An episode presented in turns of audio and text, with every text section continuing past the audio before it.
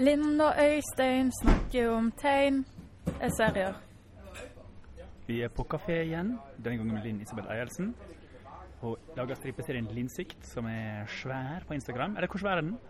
Eh, den, den er sånn Jeg er mikroinfluenser, så, så jeg har lov til Det var en kompis som jeg hadde lov til å kjøpe alkohol i influenserbutikken eller noe sånt. Fordi jeg fikk sånn 6000 følgere. Så det er sånn mini-influenser. Jeg fikk en gang et sånt der bokstativ hvis jeg promoterte for det. Du får et bokstativ. Jeg fikk et bokstativ, men det er den eneste sånn uh, Det er liksom Det er ikke stort, men det er jo en, det er jo en liten gjeng, liksom.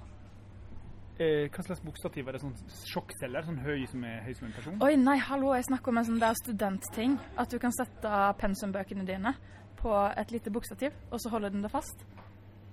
Så jeg har ikke Nei, det er ikke noe sjokkceller her, altså. Ok, ja. Men uh, kanskje en gang. Hvor lenge har du laget stripa di? Jeg har lagd stripa mi i Nå er det vel seks år, ganske nøyaktig. Jeg føler jeg var innblanda, eller jeg husker det ganske sånn før. Var du på trafo.no? Jeg var på trafo.no. Var du på trafo.no? Jeg var sånn dommer på trafo som dømte dere. Oi, shit. Uh, jeg føler i hvert fall jeg så det veldig tidlig, når du bare slengte ut ting og tang. Ja, jeg posta veldig mye der. Ja, riktig. Hvordan har det, du har alltid vært liksom et barn av nettet, og så har bladet kommet i det siste, fordi du er nå i Storefri. Ja, og Eh, nå jeg er i aviser Ja. og i egen bok. Nei, nice, det. Ja, var- det det? Ja, det var det. Ja, det var det jeg papir, skulle at du har gått inn i papirets uh, forlokkende verden. Ja, Og- men jeg har faktisk drevet med papirutgivelser siden jeg var 16 år. OK. Ja, jeg ga ut fanziner. Det, det, tilbake til Trafo. Ja. Det var derfor jeg var der, fordi jeg eh, fikk pengestøtte derfra til å gi ut sånne små hefter. Så det første heftet mitt kom i 2016, 2017. Ja. Uh, og så gikk jeg over til magasinformat, som jeg trykka lokalt på Karmøy-trykk. Så det er sånn eh, Hvis du tenker Nemi-blader, så ga jeg de det som referanse over sånn der Hei, jeg vil ha dette, selv om innholdet mitt ikke er like bra. Så Jeg vil, jeg vil lage Nemi-bladet. Jeg vil lage Nemi-bladet, men bare på skikk, på linsikt, liksom. I liksom papirkvalitet, da. Mm. Og forsidekvalitet. Mm. Så jeg viste de det. Det er jo sånn Yes, det får vi til. Og så er det jo Norge er jo helt nydelig på pengestøtte for uh, kids som vil gjøre ting. Ja. Så der var det jo bare å søke trafo, lokale penger. Eh, fikk annonser fra lokale bedrifter hey! inn i eh, bladene. Ja, for det var ung og det så solgte du det i Stavanger. I Haugesund. Haugesund, sorry. Og faktisk eh, det siste bladet jeg ga ut, Identitet, solgte jeg til hele Norge, egentlig. Ja. Sånn, Ja, det siste bladet du ga ut som self-publisher. ja, self-publisher. Så det gikk jo per def bedre med det siste bladet mitt enn det, de siste bøkene mine. Per def. Ja, sånn i salgsantall. Men bladene er jo mye billigere, da. Og målgruppa mi er jo fattige studenter, så det er jo til å forvente. Ja. Mm. Men det er kult. Det solgte du, det skippa du ut i posten og sånn uh, sjøl. Ja, det satte jeg på hybelen min. Eh, Apropos en fyr som har gitt deg, som du sier, hjelp til masse, Jens Styve. Ja, Mm. Han ga meg et tips om utsending. Hvis du sender ut 200 ting om gangen, ja. som er helt like, helt like størrelse, så kan du kontakte Posten og få en sånn pakkedeal. ja jeg fikk det tipset av Altså-magasinet da jeg var 17-18 år. Av hvem? Altså-magasinet. OK, ja. Eh, Redaktør der. 19 var jeg vel. Og så Ja. da eh, Hva det heter Frankeringsmerket. ja. Så det var da jeg begynte med sånn store forhåndssalg, annonserte veldig tidlig at det kom til å komme ut. Mhm. Og da bestilte jeg frankeringsmerker, satt og printa de ut på hybelen min og teipa de på og sendte ut. Fordi da gikk jo portoen ned. Eh, Jeg tror jeg betalte halvparten eller mindre. Holy shit. Og da gikk jeg plutselig for første gang i litt overskudd, da. Det hadde jeg jo ikke gjort før. For porto er jo blitt enda dyrere de siste årene. Er det frankeringsmerke? Er det da er det 200 minst? Uh, Jeg er litt usikker på om du må sende 200 minst. Det var et eller annet der. Nå er det lenge siden jeg har gjort det, da. Ja. Men det var, det var noe med frankeringsmerker. At du måtte printe et sånt spessmerke. Så måtte du uh, skrive en vekt da, på pakken. Ja. Og eh, hva mer var det? Jo, antall. Så det er bare å sitte og veie og sende og regne på det. Og Ja. så kom jeg der, så tok jeg taxi med sånn sekker og kofferter med blader, og posta det ut. Må man til postkontoret for å poste da? Ja, da må man til postkontoret. Det er liksom ikke alle postkontorene heller. Nei. Så jeg, det var, jeg har nettopp flytta til Oslo da Identitet kom ut. Så jeg måtte jo til et eller annet sånn Rema 1000 i for meg da ingenmannsland. Jeg vet fortsatt ikke hvor jeg var. Jeg vet bare at det så skikkelig shady ut med de søppelsekkene og den kofferten. Og eh, ut på tur med det. Ja. Men det var, det var veldig gøy, da. Det var veldig slitsomt og veldig gøy. Var du alene? Eh, Jobba alene, eller? Altså, Gjorde du alt Du bare drassa alene, liksom? Jo, jeg, var, jeg gjorde alt alene da.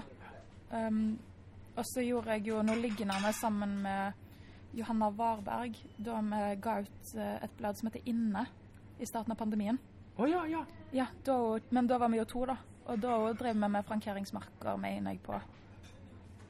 ja. Det var begynnelsen av 2020. Smart tips. Gå på din lokale post, spør eller google hva som er rett, eller spør din- google. Det er veldig mange som ikke har eh, peiling på post, fordi det er post i butikk. Så det er, liksom, det er ikke så ofte hvis du drar til en liten post, et lite postkontor at eh, de vet helt hva de greiene er. Nei, Så det var postansatte som ikke brenner for saken. Fordi Da jeg kom til den Rema 1000 i ingenmannsland, sånn industriområde i utkanten av Oslo, så sånn, jeg bare møtte en sånn veldig forvirra 17-åring ja. med de søppelsekkene mine med blader, som måtte ringe en voksen, liksom. For der var vi med to tenåringer som ikke hadde peiling. Jeg ville bare få sendt ut bladene. Ok, ja, det er også et bra poeng, da. Ja. Man, uh. Man må bare vite Kanskje selv. ringe i forveien. Det hadde jeg gjort nå. Ja. Og ringe og spørre hei, passer det? Fordi det er også kjipt å komme liksom i rushtid, og så står det sånn tre slitne småbarnsmødre bak deg, og så står det om bladene. Å ja. Ja. Shit. Og tar opp masse tid og sånn. Og så Du kan ikke gi det hele tiden, men alltid påfyll av småbarnsmødre, så da blir du stuck. Ja, sant. Så, er Du må stå i skammen. Deg eller du. Ja. Ellers kan han dra klokka ett, liksom.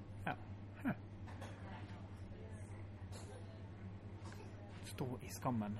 Føler du at internett er sårt og vanskelig? Altså sånn Når du er veldig exposed på Instagram og sånt, blir du liksom hetset og plaget? Jeg blir ikke hetsa, jeg blir ikke plagd. Iallfall veldig, veldig, veldig veldig lite. Jeg tror det er algoritmen som hjelper meg der, er at de rett og slett ikke sender de sinteste folkene til meg. At jeg, jeg generelt får ganske hyggelige woke unge voksne, da. Ja. Eh, og godt voksne. Så jeg slipper litt unna, føler jeg, alt det der. Du lager jo på en måte Du lager jo politiske tegneserier, um, men uh, Ja, noe av det er jo sånt som folk kan bli sur av, men det er ikke så veldig sånn uh, Det er ikke så veldig ekstremt i noen retning. Det er jo veldig sånn tydelig posisjonert, men det er ikke sånn det, det er ikke sånn at man blir sjokkert, da, kanskje? Nei, eller det er, sånn, det er jo ingenting som sjokkerer lenger, føler jeg. det er sånn eh, At det jo kanskje kan hjelpe litt. Det er jo folk som lager mye drøyere ting enn jeg gjør. Jeg lager jo Jeg lager litt mørke ting av og til, men ikke spesielt drøyt. Mm. Det er vel den eneste ja, Den mørkeste jeg har, er vel um, Den mørkeste jeg har, er vel Den fikk jeg faktisk ganske Den var det mange som ble sure over, men det var i pandemien. Så sier karakteren min Linn til romkameraten Kristine at hun, hun sitter og ser på dødstallene i pandemien, og så sier hun til Kristine at nå tror jeg det er noe galt med meg, fordi jeg bare sitter og heier litt på at jeg skal nå et, et rundt tall. For jeg merka selv at jeg satt og gjorde dette. sånn der, ah, Klarer vi 1500 i dag? Klarer vi 1500 i dag? Og det er sånn Det er jo ikke heldig, men det er jo Og i striper så sier jo Linn, karakteren, at jeg tror det er noe galt med meg, og det er det jo helt obviously. Da er man liksom Hva skal folk si da? Det er jo mye på det der. Dette her er ikke morsomt. Det er på ingen måte gøy å tulle med sånne ting som dette. Og det er stort sett den jeg får, da, hvis det er noe i hermetegn negativ tilbakemelding. Så er det 'Dette her er ikke gøy. Dette her liker jeg ikke. Sånn her kan vi ikke holde på'. Jo, det var en sånn der Jeg fikk en mail fra VG eh, ikke, eh, ikke VG, men en fyr som leser VG. Så jeg fikk klokka tolv midt i arbeidsdagen fra jobbmailen hans, Ja. hvor han syntes jeg var ekkel fordi jeg skrev om mensen. Å ja, bare sånn Ja. «Ei, Hjelp mens den fins. Dette må jeg klage på. ja, det er sånn Dette her er ekkelt. Du er ekkel. Jeg skjønner ikke poenget. Og så begynner Han starter hele mailen med å være sånn der Jeg er egentlig veldig positiv til alle nye tegneserieskapere, la, la, la, la, la, men du er ekkel. så, Du er faktisk et unntak, Eielsen. ja. Eh, Men sånn Det er liksom det, det kommer jo ikke sånn skikkelig dritt, hvis du fatter.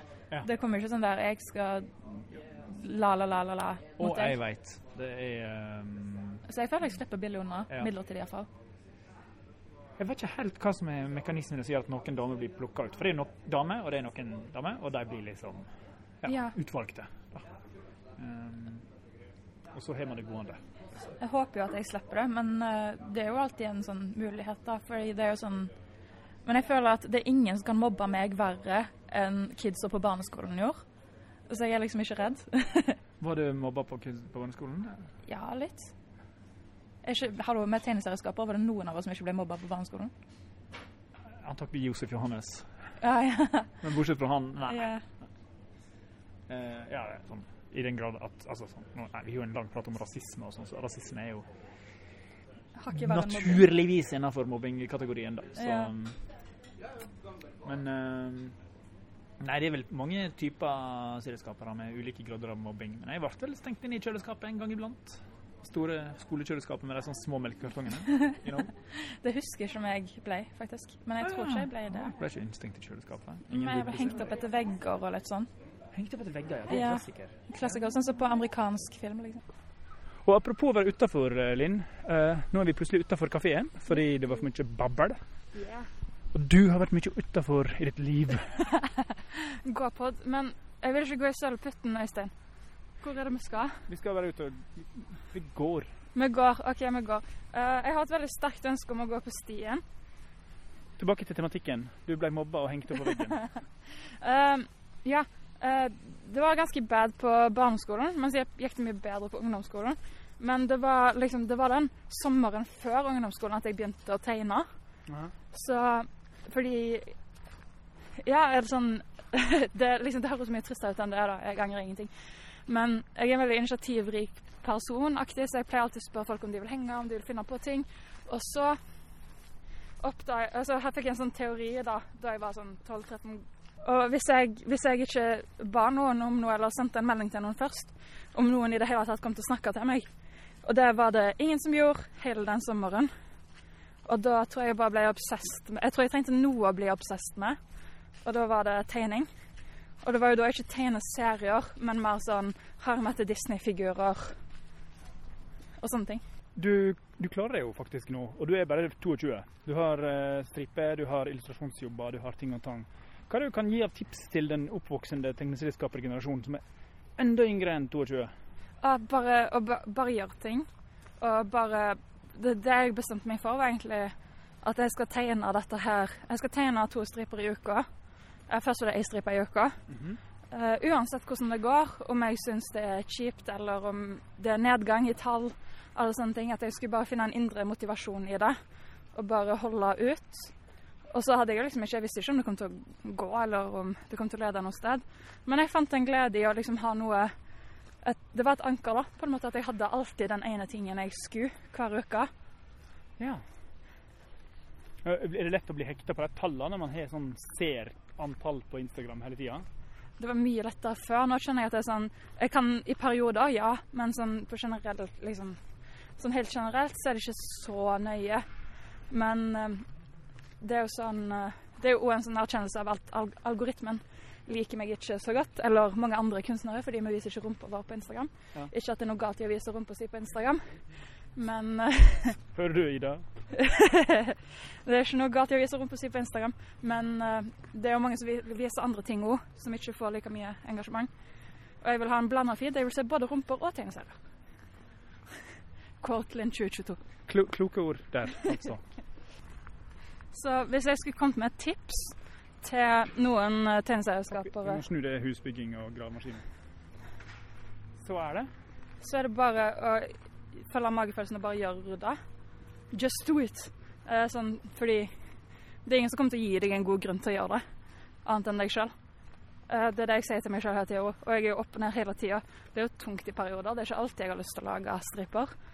Og derfor har jeg en bank som er sånn striper jeg kan bruke hvis jeg ikke Hvis jeg føler at jeg går, går liksom tom, da. Og Er de ferdigtegna, eller er det bare sånn idéskisse som du kan hente fram på en uinspirert torsdag? Jeg har masse idéskisser, og jeg har masse jeg, jeg tror man må sitte, altså. Går det ikke an å sitte på en kant der, eller noe? Er du redd for å bli cancelled, eller er gleder du deg til å cancelle andre? Uh, ingen av de. Eller jeg er redd for å bli cancelled. Det er en ting jeg tenker relativt mye på, fordi det er sånn Jeg vet ikke, jeg er, jeg er 22 Ja. og uttaler meg veldig mye om ganske mange ting som veldig mange vil argumentere for at jeg ikke har peiling på. Og disse tingene kommer til å ligge på internett i all evig tid. Det er god sannsynlighet for at mine fremtidige potensielle barn kommer til å høre det. Og sånn at det, alt blir veldig ekte da. Hvis jeg sier det nå, så høres det ut som jeg kommer til å mene det resten av livet. Og jeg tror det liksom skremmer meg av og til, eller nesten skremmer meg fra å si noe. For jeg vet ikke om jeg kan stå for det for alltid. Du vet at liksom noen av meningene Statistisk så må noen av meningene være stokk dumme, på en måte. Statistisk sett så har jeg sikkert masse dumme meninger. Ja. Eh, fra mitt perspektiv nå, så er de jo ikke dumme, og det er det som er skummelt. Ja. For jeg kommer til å se tilbake på de om ti år og tenke at herregud, idiot, liksom. Sånn som jeg gjør nå med tolv år gammel Elin. Men uh, så er det jo sånn Jeg syns det må være lov å teste ut tanker, da. Ja. Og så kan man heller trekke de tilbake eller Hva endre mening. tid er det på en måte ikke lenger lov å teste ut tanker? Når, hvor gammel eller hvor suksessrik er man når det ikke er lov lenger? på en måte? Eller hva skal man si? Dette er sånn typisk spørsmål som jeg svarer på, så angrer jeg på det om tida. Men jeg tror sånn Det er liksom Jeg vet ikke, jeg kan jo bare snakke for meg sjøl, at mye grenser går der jeg er sånn der At ting jeg syns er rart, som jeg kan se for meg at blir normalt om 15 år, da, Ja. på en måte. At jeg ikke tør å uttale meg for mye om sånne ting. Ja. Sånn som Uh, sånn som Cancelled Lynn. Nei, jeg vet ikke. Um, diverse ting som jeg, Ikke at jeg syns det er rart, det høres veldig Men tankegangen er uvant for meg. Nei, kom bort sånn! min. Det gikk fint. Um, tankegang For eksempel det med sånn polyamorøsitet. Ja. På en måte, Jeg syns ikke det er rart, men tankegangen er uvant for meg. Det faller ikke meg naturlig, alle de tingene, men jeg er veldig villig til å lære mer om det når det kommer tilgjengelig informasjon. Det finnes jo litt. Ja. Og Nei, sånn Og du vil ikke lage noen stripe om hæ-hæ, firkantforhold? Lol. Nei, det, jeg, jeg syns ikke det er morsomt. Det er jo en ting som folk tar veldig Det er jo legitime former for relasjoner. Ja. Jeg, jeg syns iallfall det. Ja, det er litt pointless. Det er kanskje mest at det er sånn Det er jo bare morsomt fordi folk ikke skjønner det, liksom. Og det er sånn Det er meningsløst, da. Å lage Ja. noe om. Uh, Nei, en skal alltid eh, sånn, For meg, ja. Ja. For andre, kanskje ikke. Så øh, en blir jo sikkert litt rundere i kantene med årene på alle de tingene der. Men øh, jeg tenker mye på sånn at jeg prøver å tenke litt fram i tid da, på ting som er litt sånn såre temaer. Eh, for eksempel et mye bedre eksempel kunne jo vært det med veg, veg, veganisme og vegetarianer-livsstil. ja. At det for eh, ti år siden var superalternativt, men at det nå er ganske vanlig, og at du finner det i de fleste hverdagsbutikker, så finner du alternativer. Men det var jo utenkelig for 10-20-30 år siden. Så tidene endrer seg jo. i Sverige, så skjønte man på en måte hvordan det egentlig var naturlig å ha det. Masse veganske tilbud i alle butikker. Ja, sant. Og det er sånn, hvis, var, hvis, jeg, hadde, hvis jeg hadde vært tegneserieskaper for 30 år siden, og sånn Du så vegetarianeren kom til å dø av hjerneangel, liksom. Spiser salat! Så det var jo mange som lagde sånne vitser. Ikke tegneserieskaper, da, tror jeg. Jeg vet ikke, jeg har ikke lest Mm. alt, liksom. Obviously. Alle som lager veldig mange jokes, risikerer på et eller annet tidspunkt Jeg kommer jo til å trå feil. Jeg kommer til å lage ting som ikke ser bra ut om 20 år. Men jeg prøver så godt jeg kan uten å sensurere meg sjøl for mye. Og lage det som er tidsriktig, da.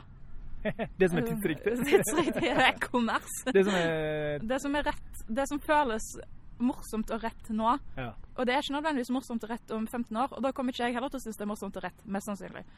Og det er jo det er en interessant ting med f.eks. Uh, spesielt eh, homoting. da. At det, på et tidspunkt i historien så var det på en måte progressivt å bare putte en homo i historien, uansett hva den homoen gjorde. Og så ser man tilbake på det 25 år senere og sånn Å, du putta en sånn homo i historien, liksom. Det kan jo være sånn med kvinner. Ja, det, At det er sånn der the love interest, eh, stereotyper. Smurfine er jo, hun er jo et begrep. Sånn masse smurfer, Ja. altså ei smurf med hår. Altså hun er smurfedama. Og så Mary Sue, alle de karaktergreiene der. Sterke kvinner er gøy, ja. For det sterke kvinner ble liksom Plutselig skjønte alle hvor kleint det var at, at sterke kvinner ikke liksom kunne være litt sterke, men det var sånn uendelig sterke. Ja, Uh, det er sånn Og Manic Pixie Dream Girl, alle de stereotypiene der. Den sneik seg litt inn, for man ja, Den sneik seg det, det er sånn Det er liksom uh, det er liksom sånn når, Jeg vet ikke om dette blir for vagt, men når, når vi spurte politikerne om at kunst og håndverk og musikk skulle bli mer seriøst, Ja. og så ga de eh, så, så gjorde de sånn at en fikk eksamen, eller skulle få eksamen i kunst og håndverk og musikk. Det var ikke det en ba om. Det er egentlig bare mer skadelig enn det gjør godt. Men de prøvde å svare på en problemstilling, og det føler jeg sånn Manic Pixie Dream Girl og sånn er òg. Eh, Ok. Filmbransjen fikk kritikk, og så svarer de liksom Ja, vi møtes på halvveien, da, med noe sånt der som egentlig bare Her er en, ja, for Vi må beskrive sånn- hva Manic Pixie Jungle er. Det er jo en quirky, gøyal type jente som går i noen strømper med sånn hvite og svarte striper. Og... Det er en karakter som er mest Den er til stede for å gjøre den mannlige, ofte hovedkarakteren, sitt liv interessant og spennende. Ja. Og få han til å oppdage nye sider av seg sjøl. Men hun i seg sjøl er liksom eh, ikke en ekte person, da. Hun er liksom, ja, nemlig, man, man vil skape en interessant og spennende For å få fram nye sider av den mannlige Ja. figuren. Man har fått til å lage en interessant og min... Ja, Melodi mot martere' liksom, er jo på en måte en Manic Pixie Dream Girl. Jeg kjenner ikke til den, dessverre. Ah, på 22 år, du har ikke sett den? Nei. Men uh, 'Looking for Alaska', da, kanskje. Ingen Eh, anelse hva det er. eh, det er jo sånn, Vi har jo to helt forskjellige referanse, eh, referanserammer av hva Ja, men det er en hva en søt jente som er full av sprell og fanteri og spiller, spiller hun sånn liten gitar, en sånn ukulele eller mandolin. Ikke nødvendigvis. Det er ikke, det er ikke helt folkeeventyr, liksom, holdt jeg på å si, men sånn De spiller alltid sånn små gitarer. Ukulele. ukuleler. Har du gjort det? Har du spilt ukulele sjøl? Ingen kommentar. Jo da, jeg har det. Men Du er en Manic Fixed Dream Girl. ehm, Tja. For hvis, okay, hvis han skulle gjort min personlighet om til Manic Pixie Dream Girl, Ja. så hadde han tatt alle de tingene som er liksom, alt det som er spontant og alt det som er interessant og kanskje potensielt attraktivt, da. Ja. og bare de tingene. Men de hadde ikke tatt med de kveldene hvor jeg ikke føler meg bra, de dagene hvor jeg er helt menneskelig og kjedelig, og Ja. at jeg spiser uh, ukrydra kylling til middag for jeg ikke gidder å lage det. De hadde ikke tatt med alle de menneskelige aspektene. Nemlig. Du har bare vært gøyal. Jeg hadde bare vært gøyal, og jeg hadde bare vært til stede for å være den stereotypen. Og det er veldig skadelig, fordi det er mange som går rundt og tenker at noen jenter er sånn, og så blir de sjokka av at de ikke er sånn. Det er en veldig veldig fin animasjonsvideo av akkurat det som jeg tolker på den måten. da. Ah, Som het, det er til en, en av mine favorittsanger, som heter 'World Spins Madly On'. Og der er det to karakterer som danser sammen, og hun jenta forsvinner ut i hun, hun blir til fjær, hun blir til ditten, hun blir til datten. Det blir liksom veldig nydelig animert. Og så Til slutt så blir hun menneske, og viser at hun vil være med han, og da snur han bare og går. ja. Uh, så den syns jeg er veldig illustrerende på veldig mange ting, men òg den Manic Pixie Dream Girl-aktige tingen. Så Stop doing it! ja, det. Men sånn er jo ikke tegneserie... Er det noen tegneseriefigurer som er sånn i Norge? Kan man si det? Nei, ikke som jeg kommer på akkurat. Nå kom jeg på at dette er en tegneseriepodkast. Men ja. det er jo sikkert det. Jo, jeg vil jo Hvis jeg hadde gått inn Hvis noen av oss hadde gått inn og leita, så hadde vi jo nok funnet. Um, så Man skaper jo, man prøver å lage tydelige, enkle karakterer som liksom Som ikke er Spesielt i stripe, så hvis en karakter skal være tydelig, så mm, skal den ikke nødvendigvis være, ha ti millioner forskjellige motstridende personlighetstrekk. Blir det Man porsjonerer ut litt sånn gradvis, iallfall, for at det skal funke. Ja, eller deler disse personlighetstrekkene på flere forskjellige folk. Ja. eller karakterer. Det er, sånn, det er en veldig interessant ting som jeg ikke har tenkt så mye på. Eh, så hvis vi går inn i denne her, så vet jeg ikke om jeg eh, mener det jeg sier. Men jeg Ja, kan teste ut tanker. Fett. Ja, Ja. og det er? Det- gi meg et konkret Ja, nei, men eh, Lunsj er jo hver karakter er ganske tydelig, Ja. og, og samtidig ikke sånn multidimensjonal. De er liksom Lunsjfigurene er veldig klare hver for seg. da. ja, det er jo veldig typisk sitcom. da. Jeg føler Ja. Sitcomer og tegneseriestriper har veldig mye til felles der. Du kan ha en karakterutvikling, men den er så treg. Og den må være treg. Ja. Fordi ellers så Ellers så går det for fort. For en sitcom er jo sånn veldig typisk sånn Joey i Friends da vil bli skuespiller. Ja. Jeg føler, ok, Sitcomer er basically den der veien er målet, målet er ikke målet. ja. At det er sånn Det er morsomt alt som skjer fram til det. Når han faktisk får det til, så er det liksom eh, det, det er ikke egentlig så gøy lenger. Ja. På en måte. Ja. Um, og det er jo det med karakterutvikling i tegneseriestriper og sitcomer at det skal du, I motsetning til sånn tegneserieromaner så, hvor, hvor karakteren helst skal være en annen person i siste kapittel. I tegneseriestriper skal det helst være akkurat den samme personen, Ja. bare at det midlertidige problemet er vekke. Eller løst på en helst dårlig måte. Ja. Føler jeg, da. For maksimale lols. Maksimale lols.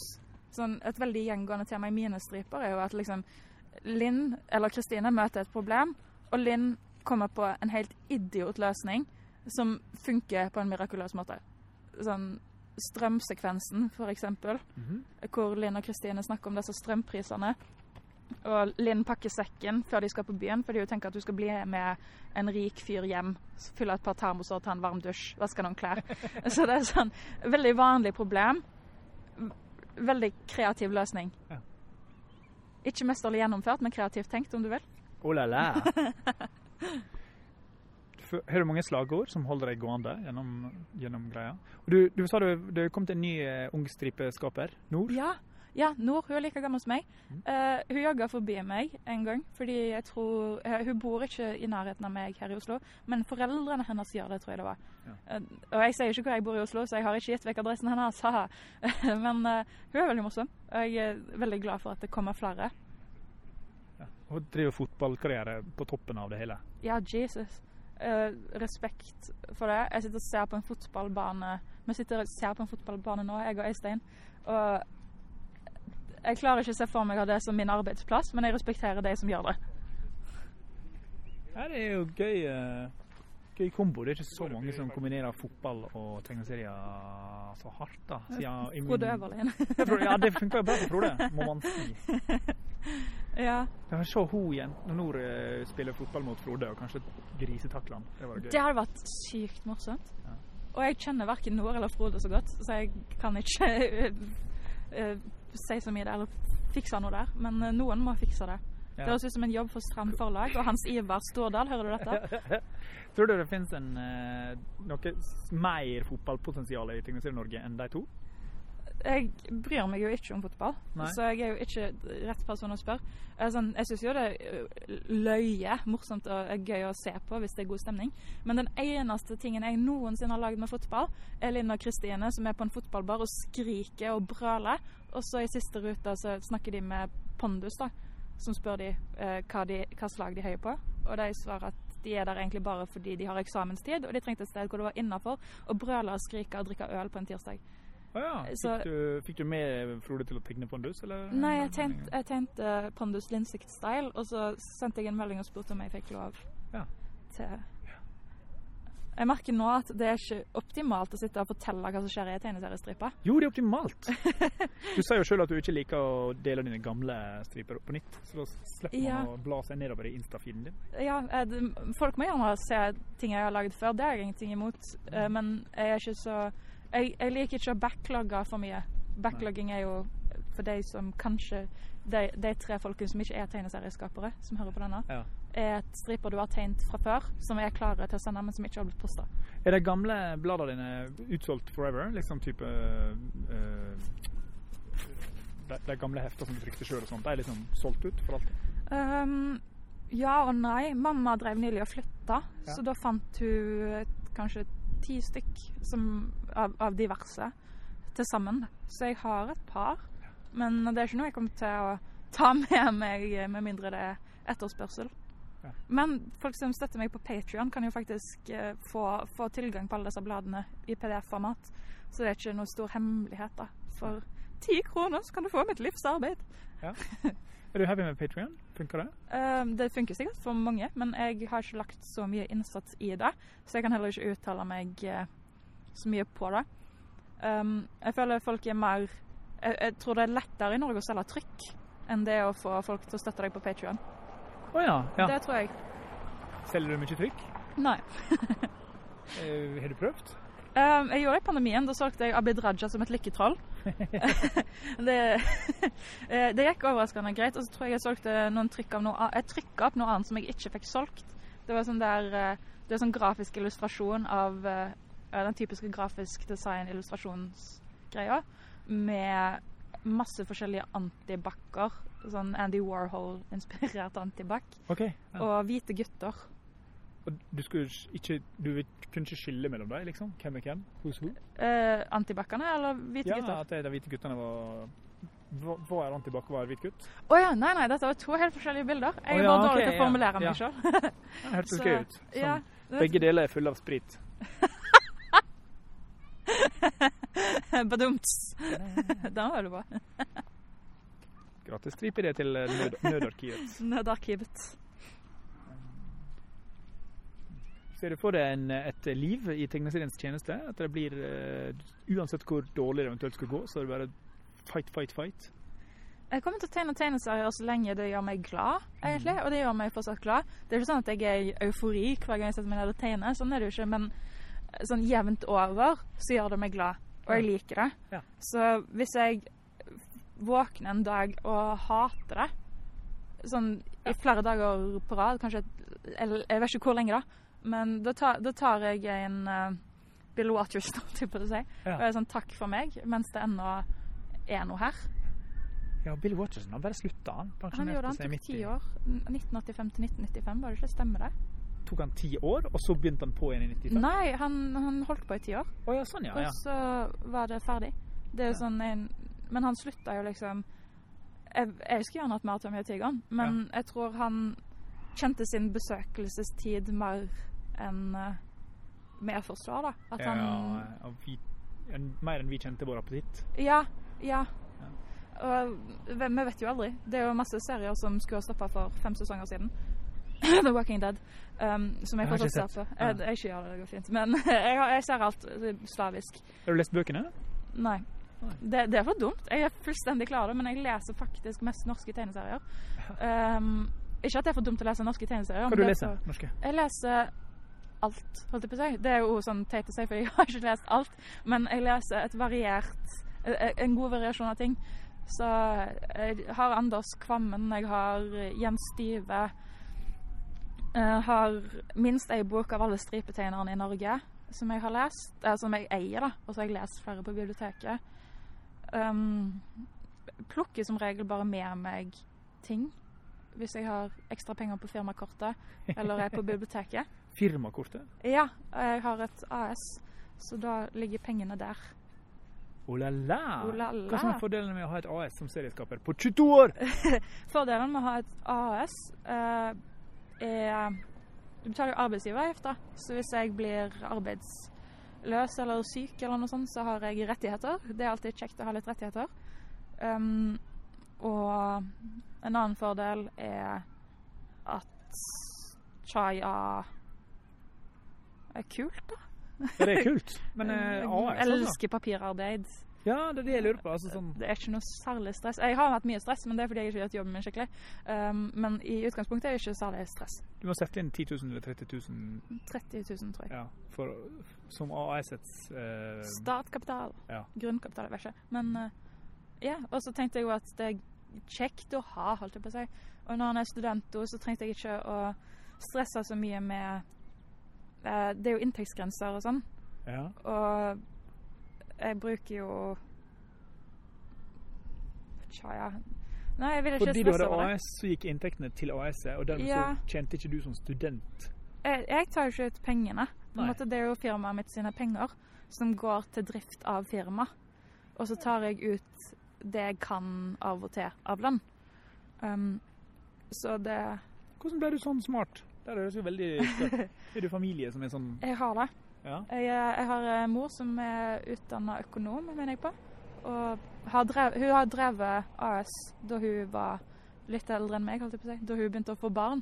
Men dette er jo viktig å vite om. Det er veldig viktig å vite om. Ja. Så det er jo eh, Jeg har jo ikke starta fra scratch. Det kan jeg jo ikke skryte på meg å ha gjort. Så det er jo mye ringing og grining til mamma. Ja. 'Mamma, jeg får ikke tjene skatteetaten sine meg meldinger. Jeg forstår ingenting.' ja. Mm. de bruker så masse ord. De bruker så sinnssykt masse ord. Nemlig. Og Det jeg er dårlig stil. Det, det, det er en måte å Det er hersketeknikk Ja. å bruke ord som vanlige døde ikke forstår. Um, så mamma drev et AS uh, som solgte flanellografer, som er sånn der filter Hun solgte flanellografer! Det var en Ja. veldig, veldig kristen ting å selge. Nei. Hun er opportunist, jeg solgte hun bare til kristne, eller faktisk Nei, til ateistiske? det, det er masse barnehager. Kristne barnehager? Nei, vanlige barnehager. Sagt, det, det er Tre bukkene Bruse og Snøhvit og Jesus. Og... Flanellograf er en sånn grønn filt som du fester filtfigurer på. og Ja. forteller du historier om igjen og om igjen. Ja. Ja. I mitt tilfelle, fordi jeg er i kristen barnehage, så forbinder det 1000% med Jesus, og så sauer og stjerner på himmelen, Betlehemstjerna, Er og krybben og Ah. Uh, eh, Ja, you know. Jeg forbinder det med noe helt annet. fordi Da mamma så til disse da jeg var små, så var det noe jeg fikk lov til å leke med. Holy og det shit! syntes jeg var helt amazing. Ja. Fordi det var jo sånn, det var, det var helt nydelige illustrasjoner på det bibelgreiene òg. fordi vi hadde jo det òg. Ja. Uh, påske og jul, mener jeg på. Og så var det òg sånn der Det var sånn sjø med masse sånn realistisk malte dyr. Og så fikk jeg lov til å sitte med bakgrunnene og eh, figurene og sette dem opp og leke med dem. Og så hadde vi Snøhvit, og vi hadde eh, Bukkene Bruse, har jeg, jeg har sagt, altså. jeg husker ikke så akkurat nå, men det, vi hadde alle slags typer folkeeventyr og eventyr, altså.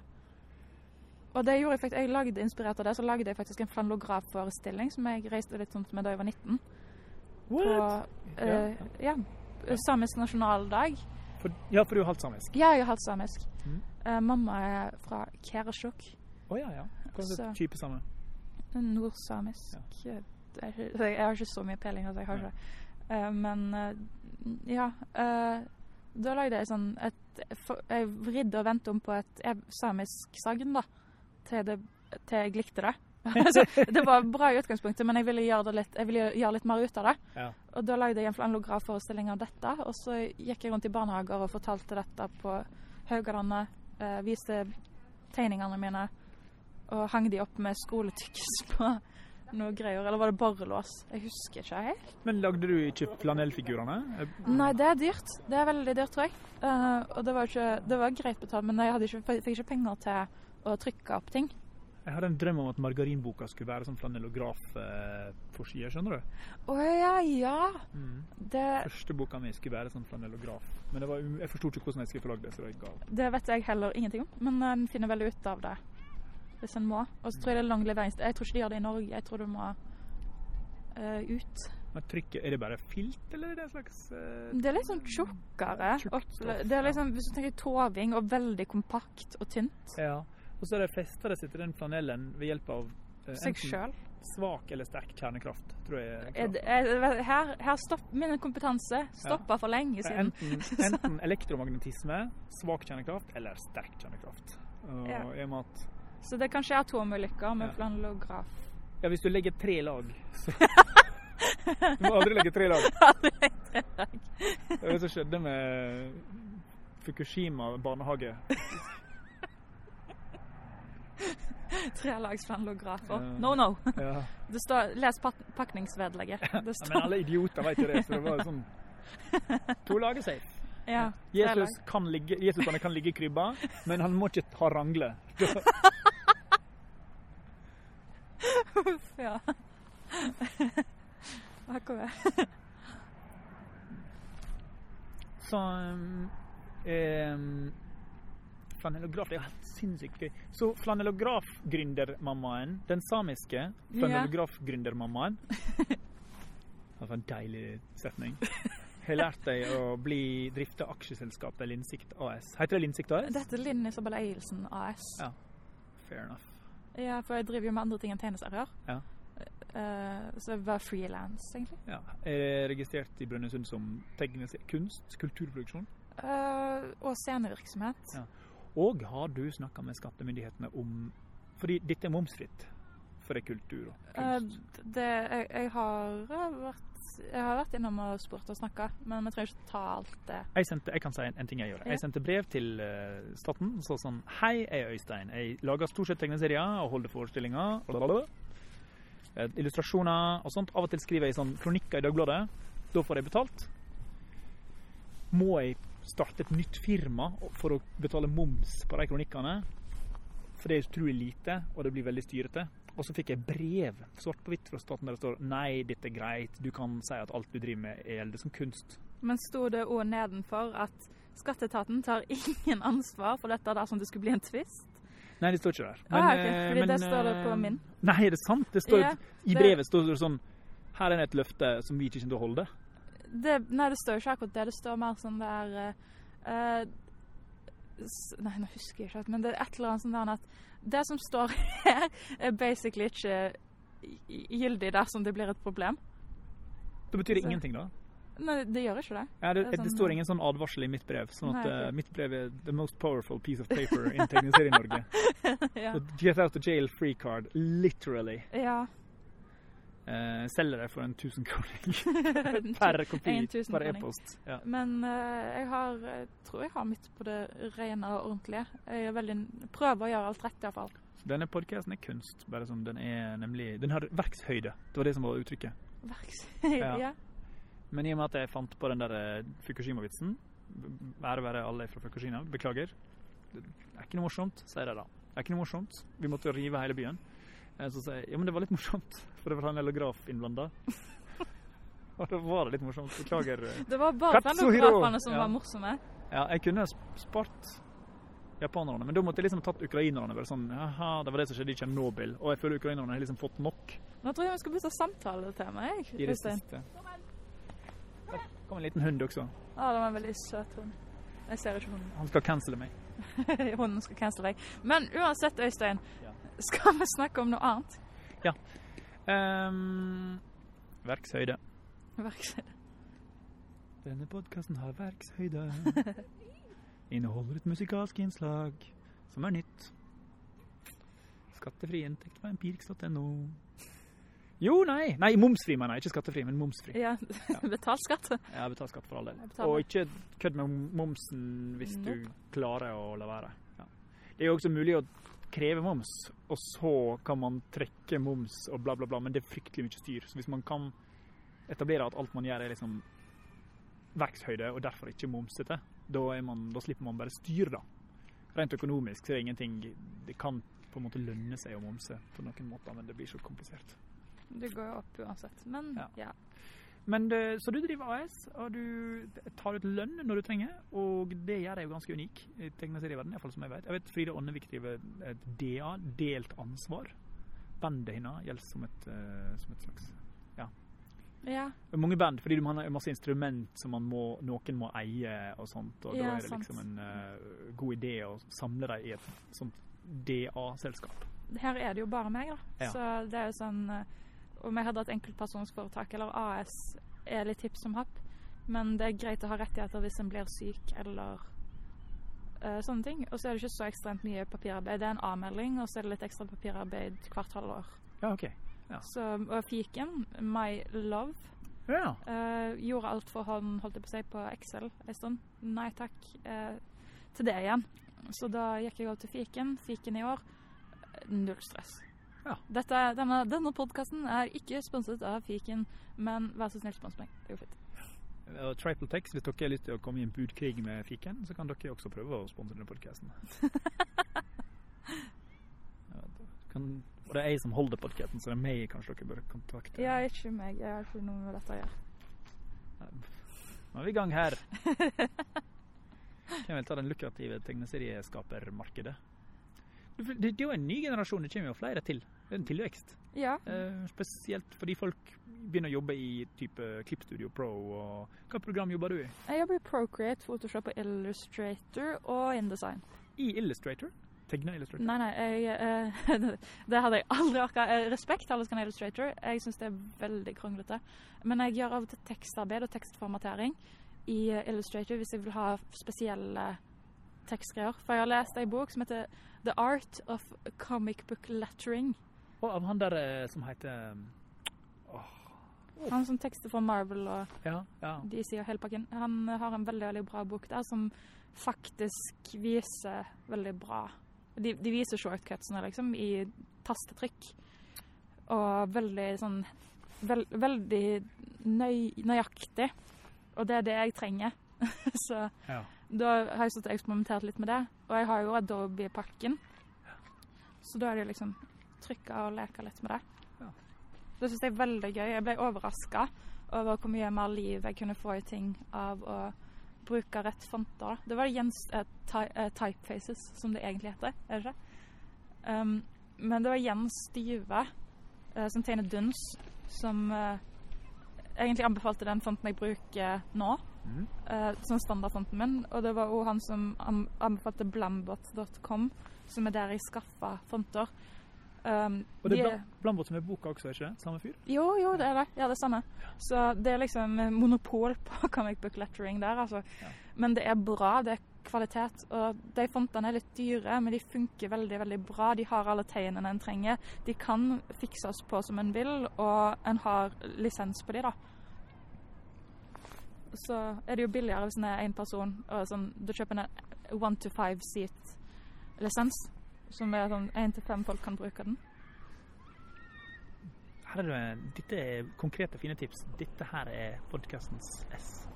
Ja, okay, men der, men da, da kan vi nerde litt på det her. Fordi Illustrator har jeg òg brukt til å lage masse, masse firkanter.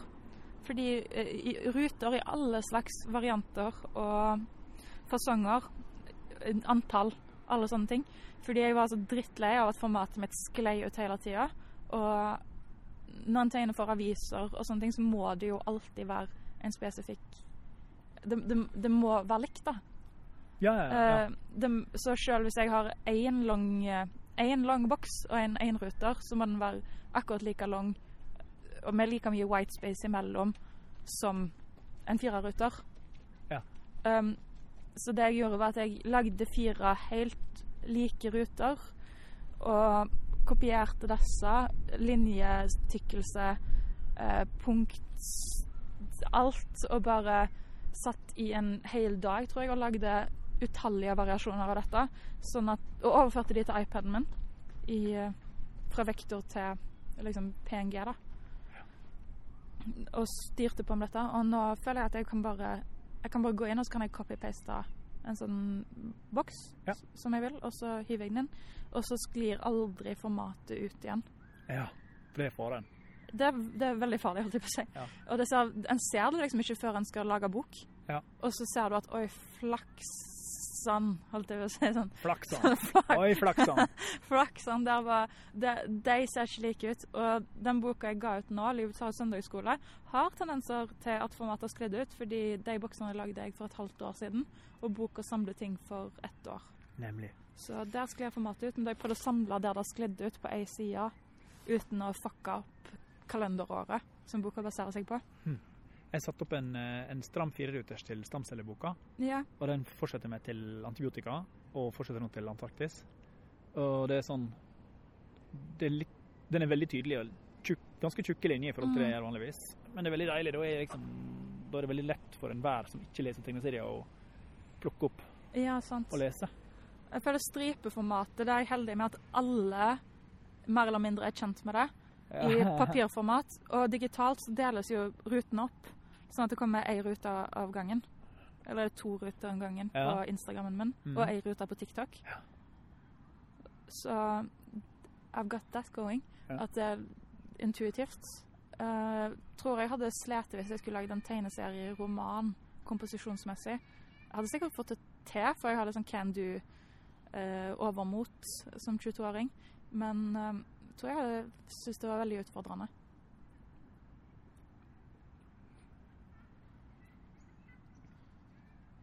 Å lage serieroman.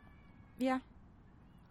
Eller, altså, det er vel ikke noe man gjør hvis man ikke har veldig lyst til å gjøre akkurat det også. på en måte. Å, Å lage en tegneserieroman. Ja, det er veldig mer sånn at man gjør det av voldsom lyst, mer enn at man Ja. Nei, jeg har lyst til å prøve det en gang. Jeg For challengen, eller fordi du har spesifikke ting som trenger det? det formatet? spesifikke ting som trenger Ja. det formatet. Historier jeg har lyst til å fortelle som jeg har um, Noen jeg har skrevet ut, noen jeg har bare synopsis på. Ja. Sånne ting. Men det er liksom å begrense hvor mye en får, får tid til. For jeg prøver å liksom ha tid til å være student. Ja, hva du studerer Jeg studerer kultur og kommunikasjon ved Universitetet i Oslo. Å, Med fordypning i medievitenskap. Eh, Det høres veldig flott ut. Har du en plan om å holde på med litt med det i tillegg, eller bare bruke det til å styrke ditt eget Kanskje begge. Ja. Jeg sånn Hvis jeg hvis, det er alltid, Jeg ville ha den utdanningen, fordi hvordan skal jeg skrive om samfunnet hvis jeg ikke forstår samfunnet? Uh, Hey. Og da kunne jeg bare kombinere en utdanning som gir meg en Jeg kan bli kulturminister, holdt jeg på å si. Jeg kan bli kommunikasjonsrådgiver, mente jeg. Det var en slippende tang. Du veit jo hvor du ender opp. Eh, sånn Å, nå er jeg veldig innmeldt i Arbeiderpartiet, partiet jeg brenner mest for av alt. Sånn er det. Jeg vil ha en årslønn på én million kroner. Ja, det også er det. ja, det er det. Ja. Eh, det fant jeg, jeg gjorde research i dag fordi jeg lagde ei stripe Ja. Hvor Kristin og Linn snakker om den årslønna. Og en av de sier sånn Det er mye penger for å gjøre en dårlig jobb. Ha-ha-ha. jeg vet ikke om den er morsom. Er det, er det joken? Eh, det er joken, ja. Men eh, Charles Schulz sa en gang at Ja. hver stripe Jeg quoter ikke direkte nå, men hver stripe trenger ikke å være hysterisk morsom i seg sjøl, så lenge det bidrar til en helhet. Ja, de bygger opp et univers, liksom. Mm. Mm. Ja, ja. Nei, men det er jo noe der. Um, at de bygger kosmos, på en måte. ja. Det er en ting som jeg har så lyst til å prøve, liksom. Det er en ting jeg har liksom aspira til hele tida, men som jeg ikke helt klarer å knekke ennå. Det er å bygge en hel verden rundt disse to karakterene, Linn og Kristine. Fordi de lever jo litt i vår verden, men samtidig en litt parodiert versjon av den. Og ja, ja Så- nemlig sånn som Frode fått til, med å lage en ganske tydelig by der du på en måte ser Ja. på de gatene. Og, ja. Og Jens og veldig mange egentlig som gjør det på en helt amazing Børge Lund ja. med lunsj. At det er liksom ja. At det er liksom Her er dette Universet i lunsj er jo det kontoret. Det er jo hele verden. Mm. Og Nei, det er aspiring. Ja, hva du kan eh, gjøre med Men det, det du må gjøre med det, er jo kanskje ta noen valg, da. Og så Ja. sett- tegne noen kart over locations, nesten, og bare se for deg OK, det der og det der. og- Det er sikkert sånne ting en må gjøre, uh, og, som jeg kommer til å gjøre en gang, men jeg føler det er litt sånn vann over hodet akkurat nå. Ja. Jeg prøver sånn Jeg vil alltid være fem år eldre enn jeg er, og fem år flinkere enn jeg er. Og det er veldig slitsomt, så jeg prøver bare å være sånn ehm, Jeg er her nå, jeg lager disse stripene. De er mye bedre enn det jeg lagde for to år siden. Gleder meg til å se hva som skjer om to år, men akkurat nå er jeg her. Um, og finner litt ro i akkurat det. Så det er jo ting jeg har som mål, og tanker jeg har, og skisser jeg har, som jeg bare kjenner at jeg blir litt sånn småkvalm av å sette til live, for jeg vet ikke om jeg klarer å stå i og bære hele den greia. For hvis du pakker den sekken, må du bære den. Så, ja. um, og du må tegne den, og du må ha kontroll over den. Mm. Og det har ikke jeg kapasitet, verken kunstnerisk eller personlig, til å gjøre akkurat nå. Men jeg tror jeg kommer til å få det etter hvert. Det er veldig klokt da, å vi, vi, vise, vite sine begrensninger og jobbe produktivt og kreativt innenfor fornuftige, bærekraftige rammer. Du snakker om utbrenthet. Ja. Øh, jeg gikk på en skikkelig smell da jeg var 19. Det var den høsten 2019, rett før pandemien. Ja. Og da jeg, fikk jeg en sånn kvalme som er Det var sånn Jeg vet ikke hvordan jeg skal beskrive den, fordi det var som om noen hadde tatt, liksom, tatt, et, tatt hånda si ei veldig svær tano sånn inni magen min og bare klemt fast. Og den bare slapp ikke på noe punkt. Så det var sånn, uansett om jeg sov, om jeg var våken, om jeg satt, om jeg lå, den holdt. Og det var vondt å puste, det var vondt la, la, la. Alt, alt var veldig vondt. Og jeg dro jo til legen. Jeg, jeg kom meg så vidt til legen, og jeg bodde jo på Anker før i Oslo. Det er 500 meter fra legevakten. Krøyp bort der. Hadde feber. Det var sånn legit så vondt at det er de eneste gangene jeg faktisk har tenkt Jeg har våkna på natta og tenkt nå dør jeg. Ja. Um, og da jeg kom til legen, så var det sånn De trodde jeg hadde kreft først. Oh, shit. I liv, livmorhalskreft. Så jeg måtte ha min første gynekologiske undersøkelse. Det var veldig traumatisk for oppi alt. Men jeg hadde faktisk så vondt da at det var nesten ikke flaut engang. Selv om jeg måtte grine meg til en kvinnelig lege. Mm. For jeg klarte ikke at uh, skalla Raymond skulle oppi der. Jeg, eh, så fant de noen sånne celleendringer og sånn, men det var jo heldigvis ingenting, da. Men det var en, det var en hypotese der at det kunne være noe, siden de fant ikke ut hvorfor jeg hadde så vondt. Mm. Og så etter hvert så gikk det bedre, og jeg brukte et par uker på å komme meg igjen. Og så høsten etterpå så fikk jeg kyssesyke. Så da holdt jeg på å daue, for jeg ble Men så kom du deg, og så ble det 2020, og da gikk alt bra. Ja, da gikk alt bra. Da gikk alt så bra. Da ble det pandemi. Ja. Og så åpna det litt høsten 2021, var det? Ja. Nei, høsten 2020? Ja. Nei, nei, vent litt. Jo. Nei, høsten 2021. Ja. Da åpna det litt. Og da fikk jeg kyssesyke. Ja, ja. Ja. Uh, igjen? En gang til? I, nei, det var da jeg fikk det. Oh, ja, ja. Mm. Eh, det var sånn kryss i den Men tidslinja. var det litt greit med pandemien da, at du fikk hvilt ut? For du, hva var det du hadde gjort som hadde slitt deg sånn ut? Var det all tegninger og sånt? Jeg eller tror jeg hadde reist mye. Det var Ja. veldig mye inntrykk. fordi da jeg var 19, så hadde jeg jo liksom Jeg hadde nettopp flytta hjemmefra. Ja. First, eh, red flag. og jeg hadde vært på min første tegneseriefestival noensinne. Jeg hadde jo aldri vært noen steder. Så jeg var jo helt overvelda, og inntrykkene var ekstremt store. Fordi så mange folk som jeg hadde sett opp til så lenge, plutselig var de der, liksom. Og jeg gjesta samme program. Og jeg var fortsatt på eget forlag, så jeg reiste jo helt alene. Jeg hadde liksom Jeg hadde ingen, da. På en Ja. måte. Jeg hadde jo venner, selvsagt, og familie og alt sånn. Men jeg hadde ingen å snu meg til. Jeg hadde ingen å henvende meg til som kunne si Som kunne veilede meg litt, da. Og da tror jeg de inntrykkene ble veldig veldig store og veldig veldig heftige å ta inn. Bladet mitt gikk også veldig bra. Um, og da tror jeg bare det krasja til slutt. Så når jeg reiste, gjorde debattsamtaler som ikke var tegneserierelaterte, hadde konserter um, Jeg tror jeg begynte å spille inn albumet mitt på den tida. Du lagde album. Ja. Musikk. Jeg har et album som heter 'Tilbakegående', som jeg begynte å produsere den høsten. Og som kom ut i fjor. Uh, 8. o- eh, 13. oktober i fjor. Det heter 'Tilbakegående'. Sjekk det ut på Spotify. Så jeg tror bare det var liksom en sånn der Jeg ville gjøre alt samtidig som jeg hadde tusen nye inntrykk. Samtidig som jeg ikke var helt frisk fra alle de psykiske issuesene jeg hadde hatt på videregående. Og så tror jeg bare alt liksom kaboff, um, knakk der, da. Så, men jeg lærte jo, da. Nå, prøv, nå sier jeg faktisk nei til ting. Ja. Du tar ikke ja til alle muligheter, og all, selv om det er betalt, så er det sånn. Det, av og til så går det ikke. Ja. Jeg prøver bare å være sånn Fordi det er ofte ting jeg har skikkelig skikkelig lyst til. Ja. Og det suger jo liksom å måtte si nei til det. Og da prøver jeg bare å virkelig vise dem at jeg, hadde, jeg, har, jeg har veldig lyst. Nå kommer det et helikopter. Men at jeg har veldig lyst, men at det dessverre ikke går. Men at jeg veldig gjerne vil være med neste gang. Og da er det veldig mange som har spurt meg neste gang de har noe om jeg vil være med. Ja. Ja, så Og da har jeg gått og tenkt på det i lang tid, og så er du grodd fast i hjernen der som en, eh, som en byll. Og så veit jeg at du er populær. ja, Bra, bra triks å være iskald. Nei, jeg er jo legit på gråten og sier jeg har så lyst til å jobbe, hvordan kan jeg gjøre så mye å gjøre akkurat nå. Så det er jo sånn eh, Jeg er jo ikke noe iskald, tror jeg. Håper jeg.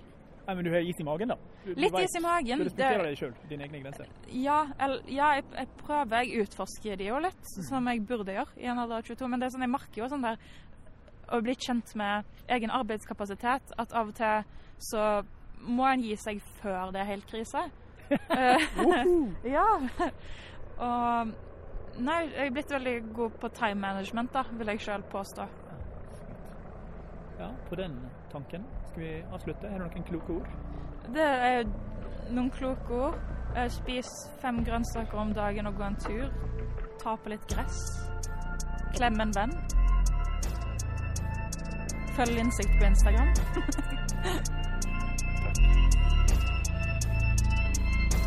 Takk.